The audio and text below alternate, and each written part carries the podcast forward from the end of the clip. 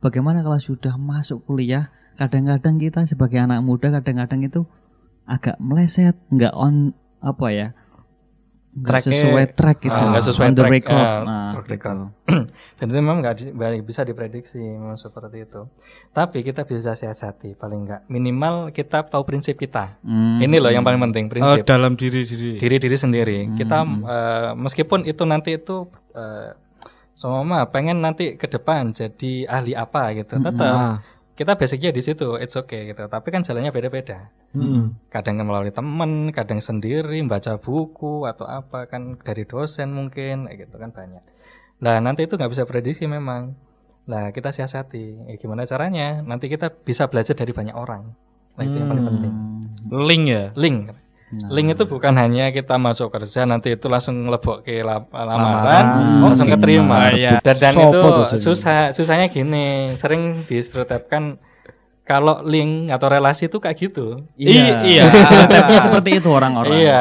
Kadang saya guyon gini, link. Ya sudah saya kasih link. Facebook saya juga ada linknya. Oke. iya. Bener. ya. iya, maksudnya gitu. Jadi maksudnya apa? Eh, kita itu bukan main apa ya namanya kayak semacam tender apa namanya Ah, gimana ah, ya? ah. Bukan, tapi itu eh, kita itu dapat eh, apa ya? Dipermudah jalannya, dipermudah Dipermudah jalannya dalam jalannya. dalam artian itu kita nggak terkira-kira itu orang itu bantu gitu loh bantu dalam arti Hmm. itu mas saman orang baik ya kan bukan membantu langsung dapat kerjaan bukan tapi di situ itu membantu untuk mencerahkan jalannya kan gitu kan Iya, iya. Mm-mm.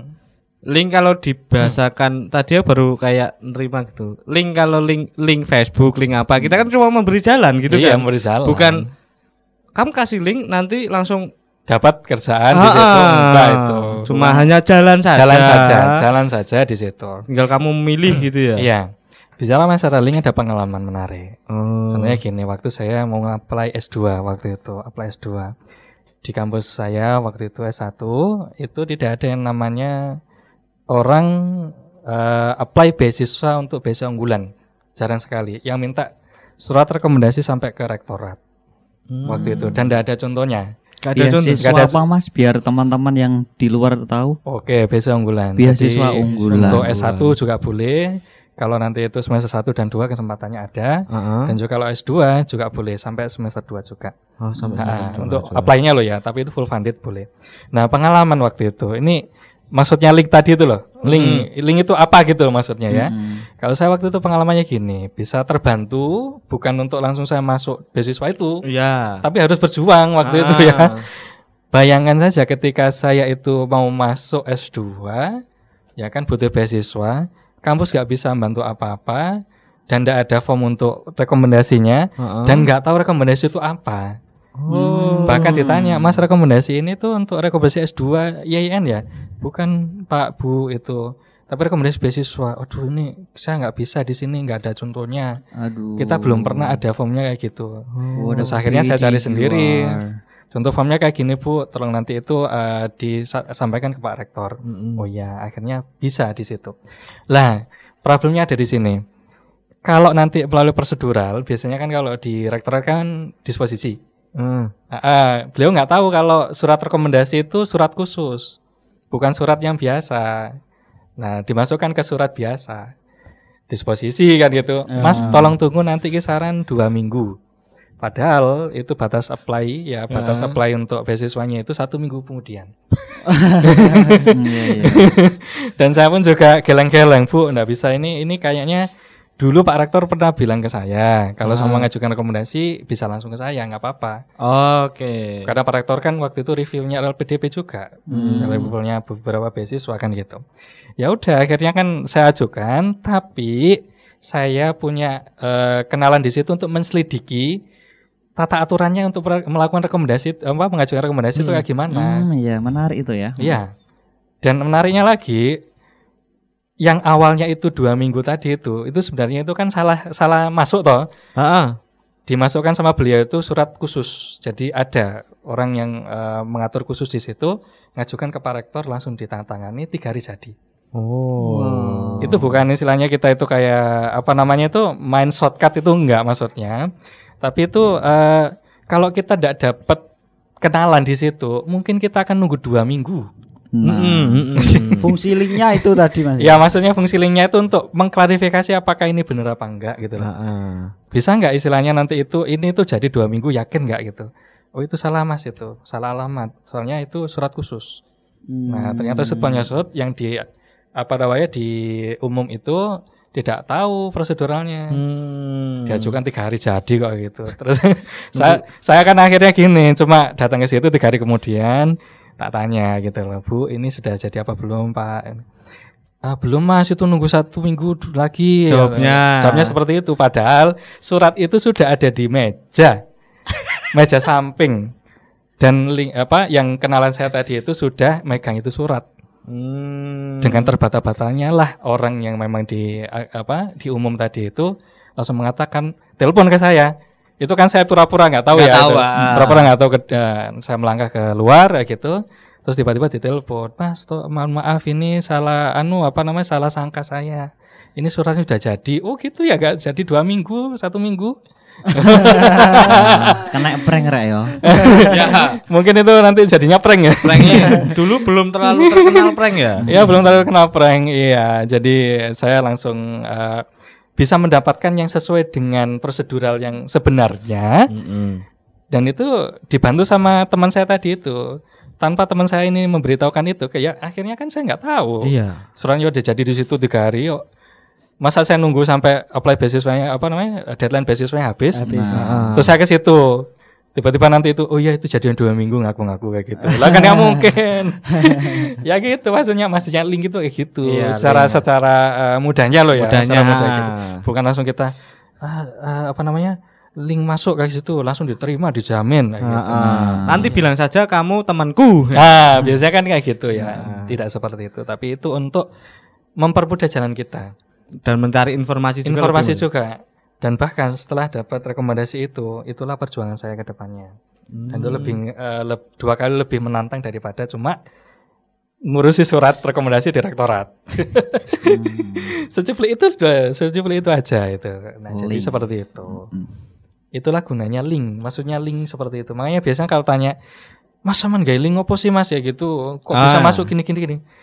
Link Facebook Ya, atau kalau kalau nggak link Facebook link itu loh LinkedIn itu kan Iya. LinkedIn LinkedIn kamu masuk LinkedIn LinkedIn. ada LinkedInku di situ ada. Aku beberapa kali dikirimin. iya Link. ya kan link maksudnya gitu ya Ya, itu oke. sekedar istilahnya joking tapi di situ ah, kita bisa belajar Iya. bahwa belajar. link itu bukan maksudnya itu wah bang bleng blang bleng dapat kerja tapi di situ kita mempermudah kita untuk mengetahui informasi Hmm. betul informasi bahkan saya pun tak survei di kampus kita eh, di kampus kita di kampus saya waktu itu tidak ada yang tahu yang namanya beasiswa unggulan Hmm. Makanya terbuka umum untuk mahasiswanya di situ yang S1 Heeh. dan S2 itu boleh lanjut dengan beasiswa itu Visual itu. dan tidak ada surat rekomendasi formnya.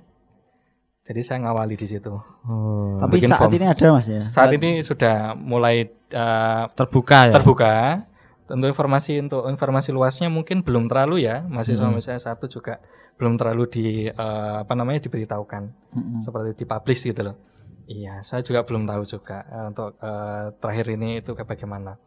Itu untuk link-link ya. Nah, link-link. Nah, kalau aku juga punya eh, sedikit pertanyaan menarik gitu. Heeh. Eh, ada beberapa mungkin nggak semuanya gitu. Gimana itu?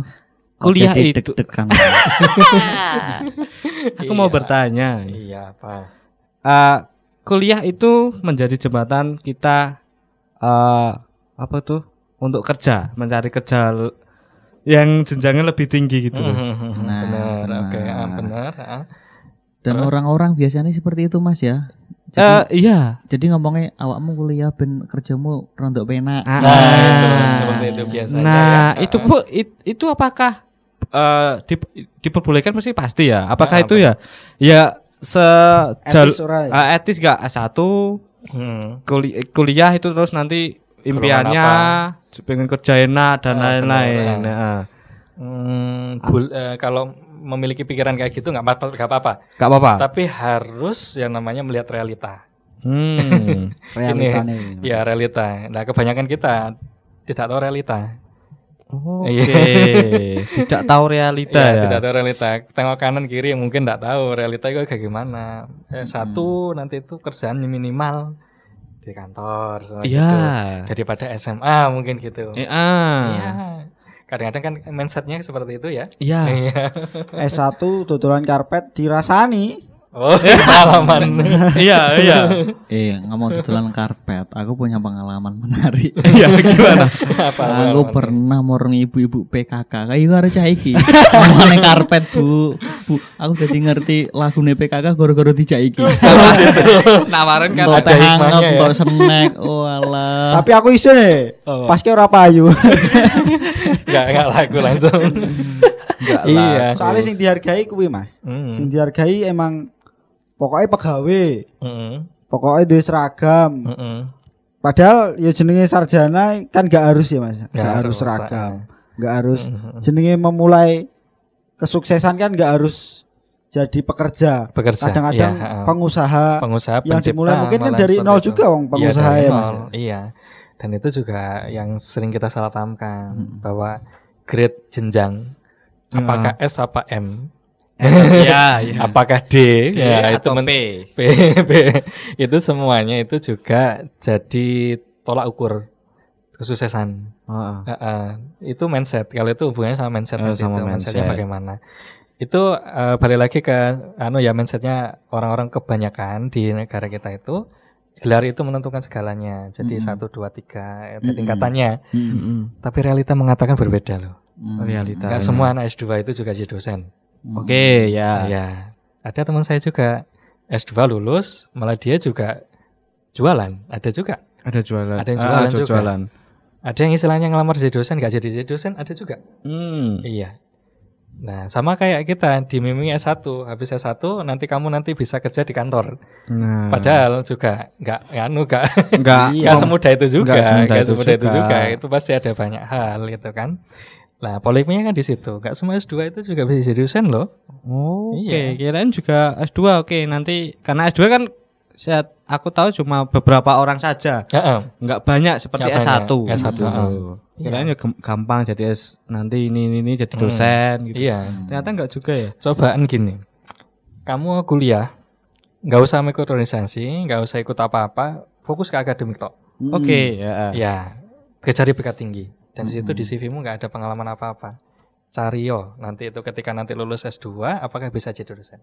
Modaro, nanti Modaro. kenalan itu. Nah, salah satunya jadi enggak kenalan terus organisasi enggak pernah ikut. Nah, organisasi nggak pernah ikut. Biasanya stereotipnya kalau orang organisasi, biasanya lulusnya lama. Oke ya. Lulusan lama dan nggak terjamin kesuksesannya. Oh. Kadang ngono. ada yang menyatakan juga seperti Ada yang itu. mengatakan ada seperti yang itu. mengatakan juga nggak nggak- kayaknya nanti itu kalau kalau akademisnya kurang nanti nggak sukses kayak gitu. Ah. Terlalu banyak organisasi nih kayak gitu kadang-kadang orang kan mengatakan gitu. Tapi Tapi ya, nyatanya gimana? nyatanya itu ya tergantung kita mau apa niatan kita mau masuk organisasi itu ngapain. Hmm. Kalau pengen pansos ya udah pansos oh. kamu dapat pansos panjat sosial Iya. ya sudah kamu nanti jadi mungkin ketua kayak Ah. jadi apa namanya koordinator followernya oke. followernya akeh mungkin dapat pacar mungkin seperti itu saya juga tidak tahu ya Mm-mm. itu banyak orang eh, niatannya kan banyak juga kan Mm-mm. nah tapi di situ balik lagi kalau niatannya mau guru tok wes salah nanti gak ada pengalaman Mm-mm. Oh, enggak ada pengalaman. karena niatannya su- apa niatannya tuh eh, berbeda Berbeda. Oke. Pansos yang gesek ya. pansos ya gitu. Pansos tuh. iya Terus ngomongin organisasi kan eh, kita sekolah itu nggak lepas dari itu semua ya. Organisasi SMA, SD, Mm-mm. SD pasti ikut organisasi pramuka, Mm-mm. SMP nanti juga jadi pramuka OSIS, SMA juga. Kuliah apa lagi gitu ya? Oh banyak sekali Jadi, kan emangnya. Eh, tadi- eh. Kuliah itu mau ngapain? Nah, itu. hanya hanyakah akademiknya saja? Mm. Organisasinya nggak dipikirin. Nah itu jadi polemik kadang-kadang ya. Sering orang juga mengatakan kalau organisasi itu hanya memperlambat jenjang kuliah, Kuliah. Memperlambat lulus ya, Mas. memperlambat lulus ya. Ojo guyu, Mas. ya. Loh tapi tapi anu tergantung orangnya lagi. Tergantung orangnya lagi ya. Tergantung orangnya. Kalau kalau apa namanya kenalannya banyak, dalam arti kenal teman, maksudnya Nah. kenal teman, bahkan nanti jadi jalan bisnisnya dia di situ. Oke. Bisa dapat jodoh di situ kadang. Nah, Wah, ini jodoh ini. Agak ribet kayaknya. Gak ribet ya mungkin dia gitu juga. Ya bisa dapat banyak hal di situ, pengalaman hidup dan sebagainya. koncoku ono Mas ki Mas. Dadi ndekne kuliahnya rondok nyantai. Heeh. Bisnis lancar dodolan sepatu, Dodolan Iya. kaos. Wah ya melu podcast iki. Buat teman-teman ya ini kalau dengerin podcast ini kalau mau beli sepatu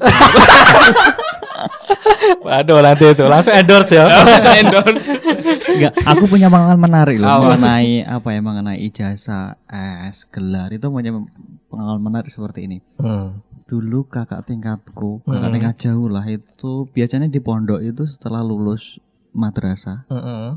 itu biasanya dikirim di mana-mana pesantren luar Jawa Heeh. diperbantukan ngajar di sana. Ya benar. Itu ada nam- ada satu orang namanya Pak Sopo lali aku. Ah. Itu ditugaskan di Kalimantan perbatasan Malaysia, Mas. Oh, ha, ha, ha. Jadi di perbatasan Malaysia sana ya ngajar sekaligus jadi imam masjid dan Hmm. khotbah gitu. Nah, suatu tempo ini ada hal yang menggelitik menurut saya, unik seperti ini. Hmm. Biasanya kan waktu Jumatan itu kan diumumkan kan untuk Jumat besok khotbahnya, khotibnya siapa gitu kan. Nah, nah, pada waktu itu gini. Untuk Jumat besok nanti khotibnya Pak Rio misalnya ya namanya ya Iya, Pak iya, Rio. iya. Namanya siapa? Rio. Belakangnya apa? Ya Rio nggak ada belakangnya. Belakangnya apa? Rio. Jadi di sana itu ada fenomena unik. Jadi Hmm. orang-orang di Kalimantan sana Heeh. kalau mereka nggak punya sarjana, nggak punya titel Mm-mm. belakang, titel Ah, itu belakang. maksudnya, gelar ya. dia itu dianggap sebelah mata. Ah, Meskipun dia itu Hmm. mumpuni dalam bidang agama. iya. Ah, benar. Jadi orang-orang yang nggak mumpuni dalam bidang agama, tapi kalau punya S itu lebih dihormati. dihormati. gitu. Nah, Ada pengakuan seperti itu. Ha. Ada. Itu kalau nggak salah di Guyana Gus Dur juga ada. hmm. Kalau nggak salah itu yang jadi mudin. Mudinnya itu kalau dulu kan di Denanyar itu kan ada Mm-mm. anu toh mudin. Mudin itu yang bagian Eh, kaur anu lah keagamaannya. ah. Namanya. Lah itu ngantarkan mayit mm-mm. ke anu itu ke liang lahat toh.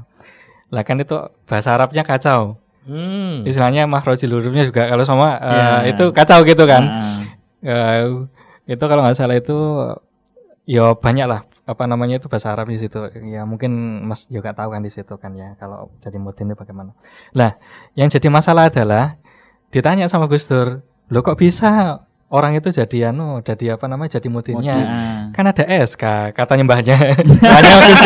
Iya. Lo kan ada SK SK. iya.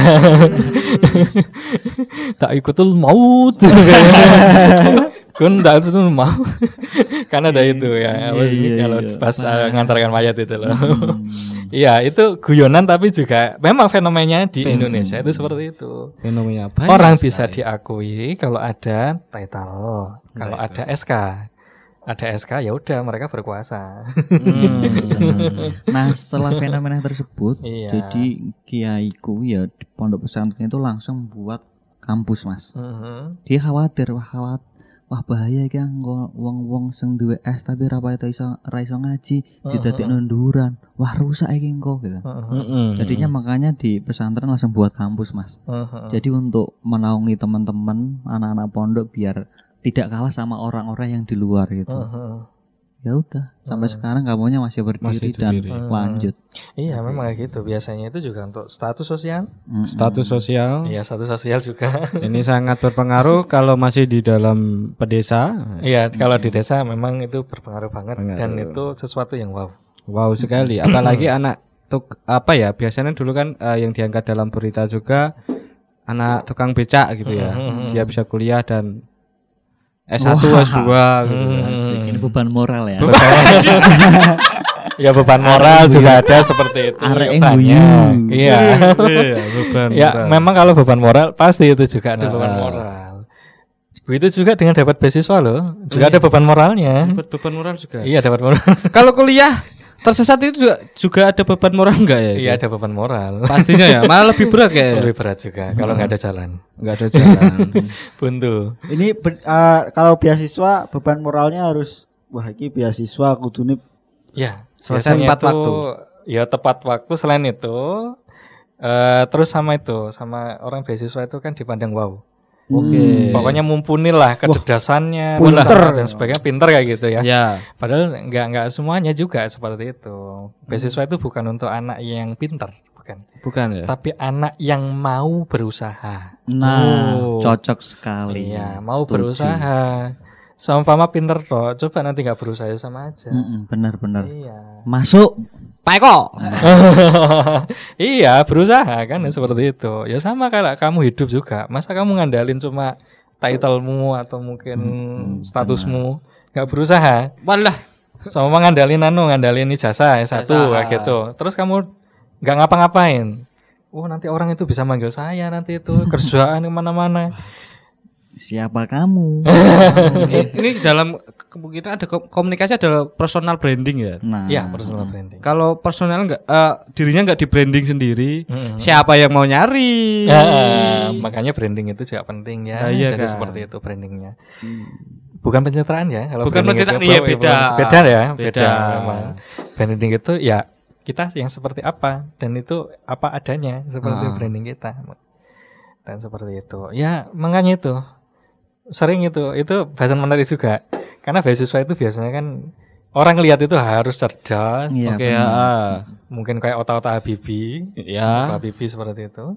Terus nanti itu harus benar-benar prestasi yang tinggi tinggi tinggi, pokoknya juara juara juara gitu. Nggak semua, nggak ya? semua dan nggak semua juga harus IPK tinggi.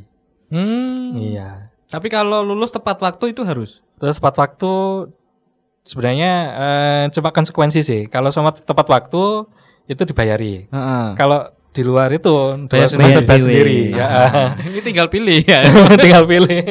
Tapi juga sama kita di SP biasanya itu di SP. Oh di SP ada di juga. SP, ya. ada SP-nya juga SP kalau nanti itu apa namanya gak tepat waktu tolong nanti itu ini ada peringatan intinya seperti itu Oh, enggak hanya kerja ternyata SP itu ya. Oh iya SP S2 yo enak SP ya.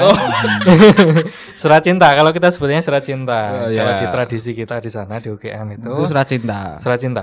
Jadi ketika nanti itu semester 2 ya kalau S2 itu wajib di SP. Kena SP S- eh, lulus S2 eh, S2 semester 2 selesai Heeh. itu dapat SP SP-nya tentang anak ibu atau bapak kalau bisa lulusnya itu jangan sampai melebihi 4 semester. Sebenarnya gitu kalau tidak nanti di DO nanti apa eh, kalau di sana kan maksimal kisaran 5 sampai 6 semester ya. Nanti seperti itu. Jadi itu sebenarnya surat peringatan untuk mawas diri kalau dalam bahasa Jawanya Iya. dan cepat lulus. cepat. Iya, kalau di- Pengiling-iling lah, kalau Mas, ya. ngiling-ngiling seperti itu. Ya kita dapat surat cinta di sana. Eh bosku wis diusir ngono wae. Pasar bener. Iya. Dihun. Iya, tapi istilahnya kan itu eh, yang jadi polemik kan dikirimkan ke rumah. Nah, bener. Wong tua cemas nanti mas. Mas, makanya waktu itu ada Ada di rumah Mas Wi. Eh, kalau kalau di jurusan lain biasanya itu dikirimkan di rumah langsung.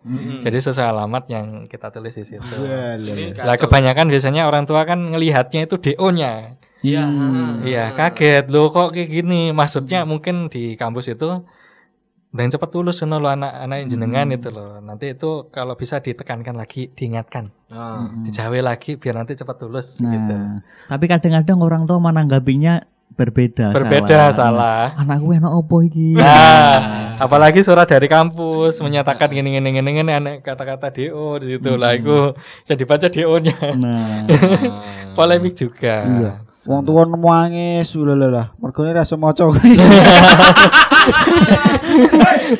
Tapi ya santai saja istilahnya itu juga tempuh dengan anu lah istilahnya jalan kita. Kalau kalau kemarin itu pengalaman menariknya lagi itu diwawancara juga. Itu ada pengalaman menarik. Jadi wawancara beasiswa mas. wawancara beasiswa itu ndak selama yang saya pikirkan sih waktu itu. Soalnya teman-teman itu rata-rata setengah jam Heeh. wawancaranya. Saya cuma 17 menit. Eh. Eh, Gimana Mas pengalamannya? Selisih 13 menit. Iya, Ya, saya sih 13 menit dan aku nggak nggak tahu itu eh, kenapa kok 17 menit itu teman-teman yang lain Setengah jam. setengah jam dan kebanyakan ada yang setengah jam itu nggak lulus tapi itu 17 menit kok lulus Hmm. nah itu loh maksudnya itu nggak tahu aku Ada apakah apa gerangan ini ya? Eh, kalau kalau saya baca di beberapa blog itu kan ciri-cirinya kalau nanti kamu dinyatakan lulus itu biasanya itu lama wawancaranya Hmm, hmm. karena tertarik Oke. tanya tentang dirimu kan itu kan. Heeh. Nah, saya di situ 12 menit. Waduh, gagal kayaknya saya ini. Oh, sudah berpikiran gitu Kemudian ya? gitu, terus akhirnya ya positive thinking aja, kemungkinan ini saya itu cepat. Maksudnya wawancaranya cepat karena dia udah yakin aku itu Bisa. bisa gitu. Oke. Nah, dan juga ada kemungkinan kedua lagi di situ. Itu karena mepet jam makan siang Oh. Dan orangnya mungkin udah letih. Udah letih. Iya.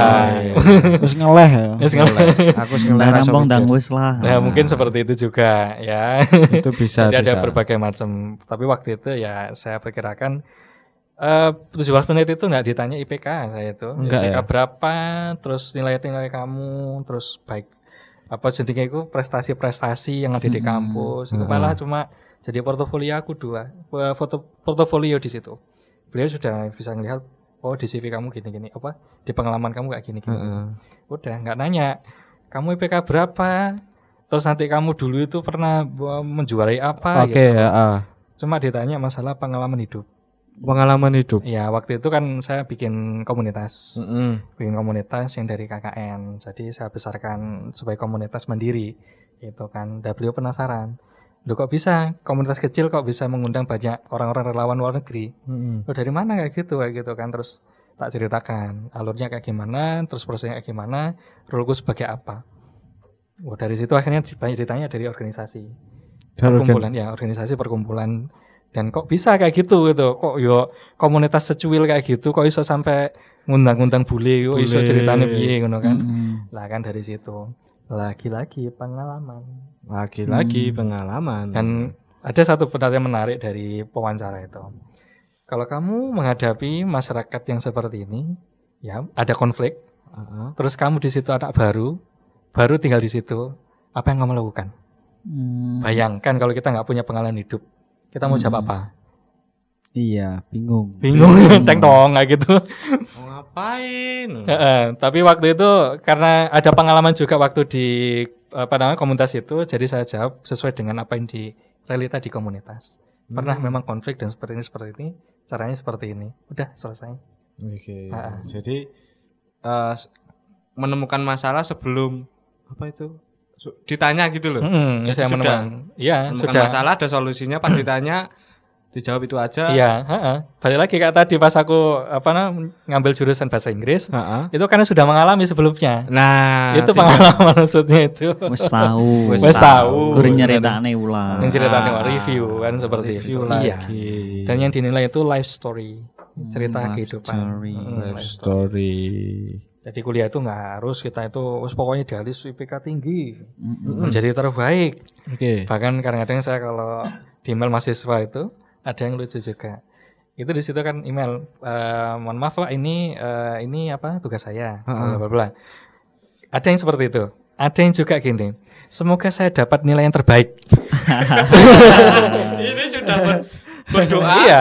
nggak? Benar ya gitu. Iya intinya ya ini tugas saya. Semoga saya jadi the best Baik. kayak gitu. Heeh. Yang nilai terbaik, the best score. The best score. Waduh skor lagi nih anak-anak ini. Tapi nggak Ah. memungkiri juga. Heeh.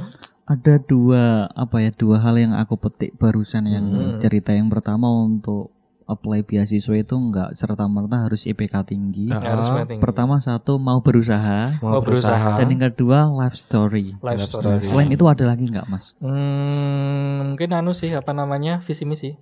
Visi misi. Visi misi, visi misi itu nggak harus yang mulu-mulu. Oke. Ya sama visinya ke depan menjadikan diri saya itu menjadi lebih berguna, bermanfaat itu juga termasuk visi yang sederhana. Mm, mm, Orang kan kalau sama nilai kan kuliah itu untuk diri sendiri. mm, mm. Pernah nggak ada kepikiran apa bermanfaat untuk orang lain? Nah, iya. Wah, lagi-lagi aku ingat quote ada Quote lagi. yang bilang seperti ini. Kalau nggak salah Mbah Sahal, Mbah Hmm, Sahal Mahfud Sahal. itu bilang seperti ini. Jadi orang baik itu mudah, Mm-mm.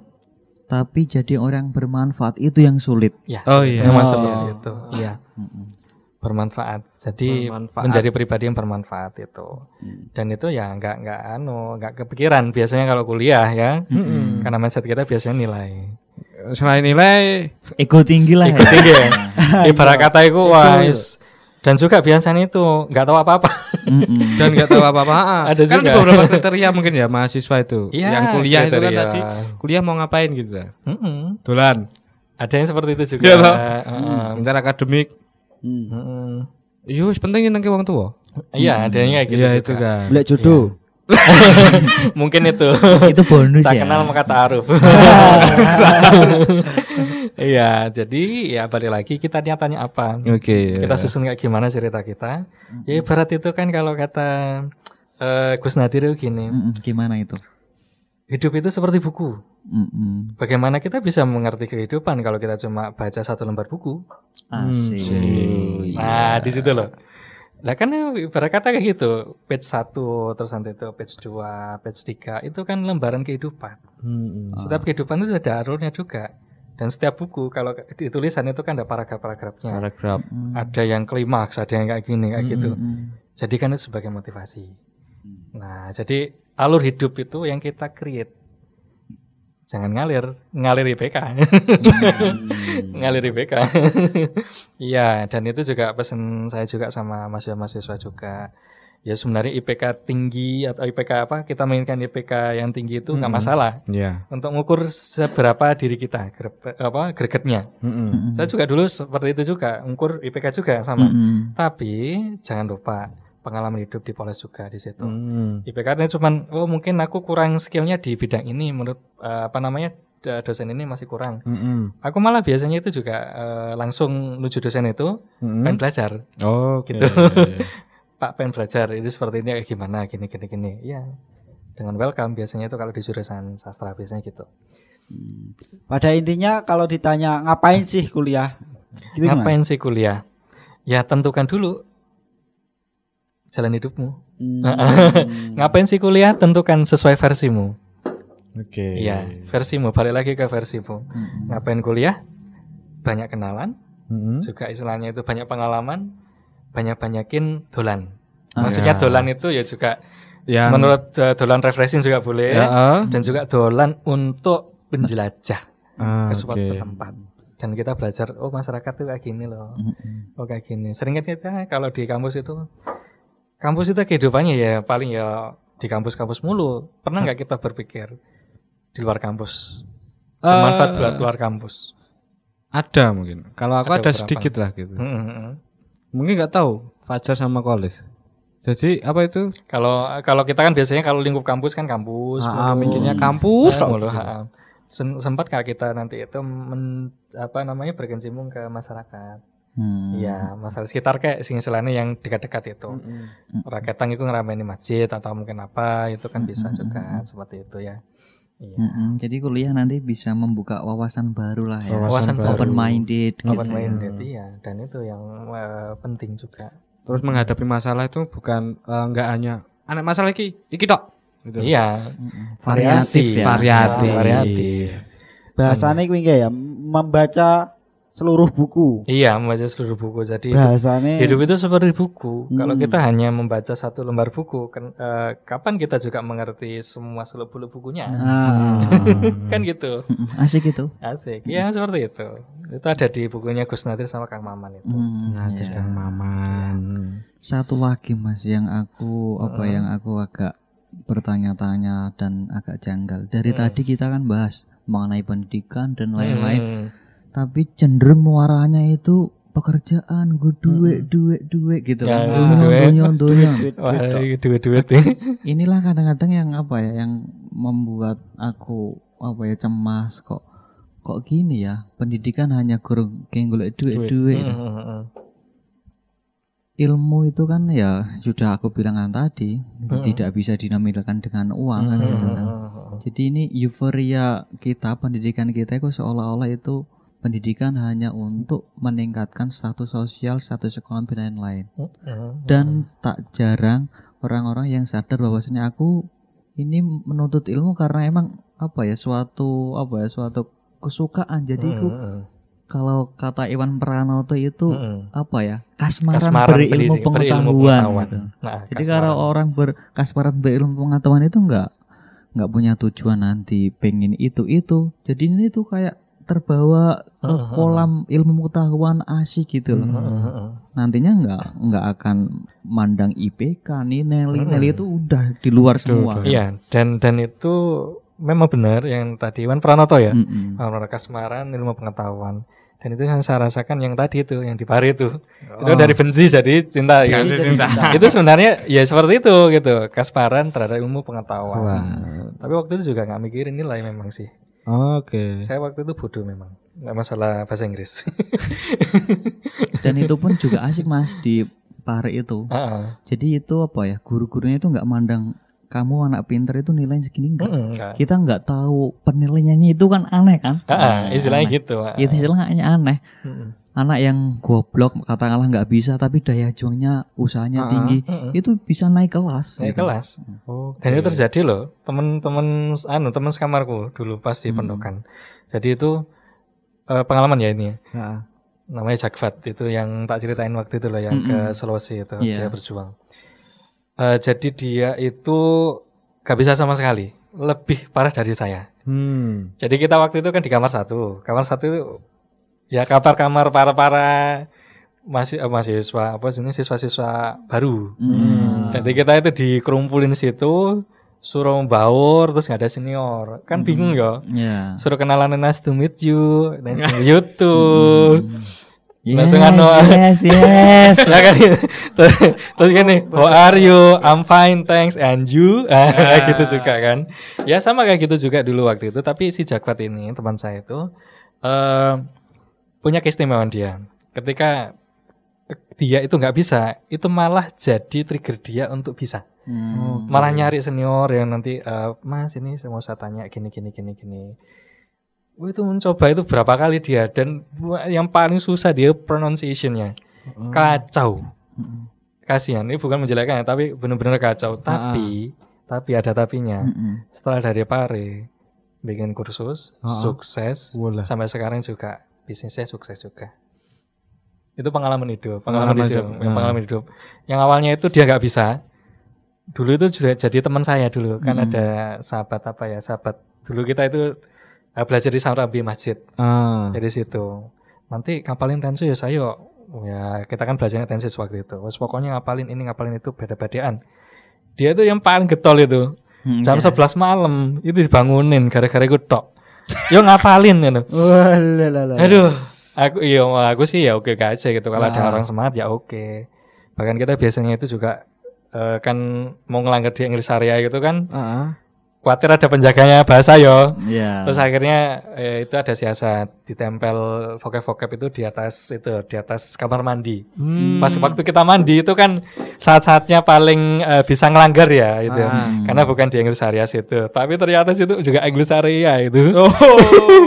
nggak ada nggak ada cara untuk ngelanggar. Jadi wah, gayung itu apa us di situ ada itu diper terusnya vocab-vocabnya. Kalau ketahuan ya kan nanti kena hukuman. Aku, aku pernah kena hukuman di situ. Dan mandi ya. Kamar mandi. Aduh saya kena hukuman. Tapi dari situ akhirnya terpaksa tau. Karena terpaksa jadinya kita itu anu ya apa namanya? The power of kepepet ya. The power of Hmm. kepepet. Dan kita jadi critical thinkingnya main. Wes. Nah dari situ akhirnya kita pikir pikirin cara sih memang kita menghindar dari hubungan itu dan kita mau bisa.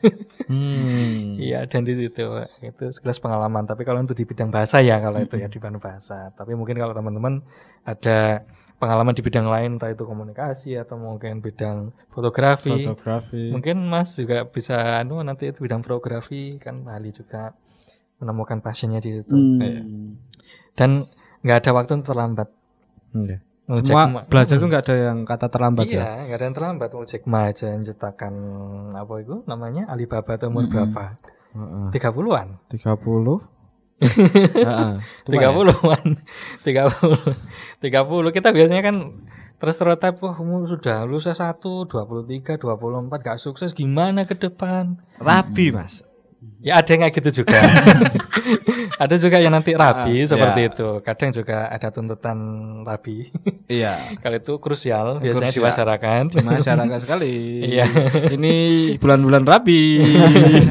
jadi seperti itu jadi akhirnya kita itu terbawa situasi itu terkotakkan dengan kacamata mereka Nah, masyarakat. Ah, Padahal ah. kacamata kita berbeda. Iya ya, iya. Ah, benar ya kan gitu itu. kan?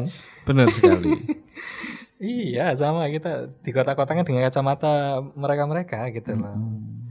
Hidup kan sesuai versi kita. Iya, apakah kita hidup uh, seperti pakai kacamata kuda saja ya? Nah itu, ah, itu tergantung kita. Ya mungkin itu yang itu tadi kenapa banyak mahasiswa mikirkan materi Mm-mm. ya karena menuntut dituntut masyarakat itu tadi. Iya, tuntutan masyarakat juga. Masyarakat eh, secara tidak langsung menuntut bahwa S1 itu harus sukses, harus Hmm. punya pangkat, harus segala macam. Iya. Akhirnya mindset mahasiswa sekarang ya Ya, begitu. seperti itu, ah, mindset itu balik lagi Seharusnya- ke mindset. Hmm. Eh, memang seharusnya harus Hmm. eh, prinsip diri sendiri ya Mas. ya? prinsip itu yang paling penting prinsipnya. Prinsipnya bagaimana?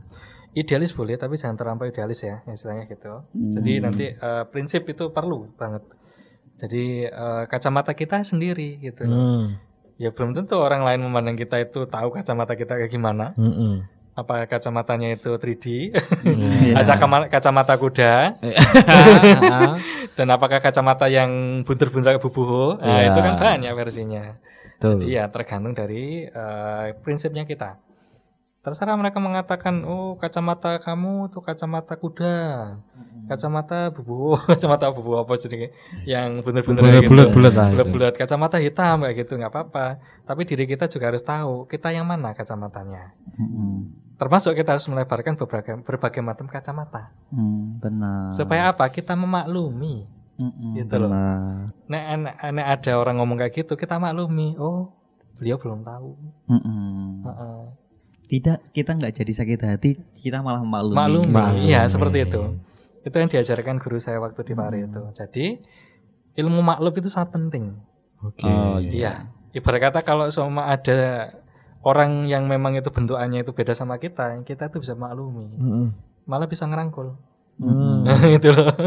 Jadinya bijaksana. Bijaksana. Bijaksana. Jadi seperti itu nanti uh, ujungnya bijaksana seperti itu. Jadi maklumi. Ah, Oke, teman-teman, sobat podcast, Squee podcast di mana pun kalian berada, nggak terasa ya kita udah hampir Satu jam setengah jam. Satu setengah jam. Waduh. Dan ini Heeh. emang ngobrolannya emang asik dan nggak ada habisnya. Iya. Dan mungkin nanti ke depannya bisa next episode ya Next untuk bahas episode. mengenai pendidikan dan lain ini kompleks banget. Ya, boleh. nggak Tapi apa-apa. sebelum kita tutup closing statement, aku minta closing statement dari Mas Aris. Mhm. Hidup itu tidak mulut tentang materi, Mm-mm. tapi kita juga harus memolesnya dengan pengalaman-pengalaman kehidupan. Itu intinya. Intinya. Dan hidup itu yang sesuai dengan kata Kusnari tadi.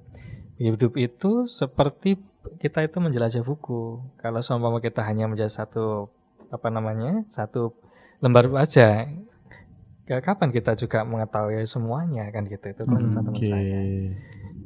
Oke, terima kasih Mas Aris sudah Ya, berkenan, udah meluangkan waktunya juga. untuk sharing. Ya, Semoga bermanfaat untuk teman-teman semua. Iya, amin. Amin. Squee Podcast.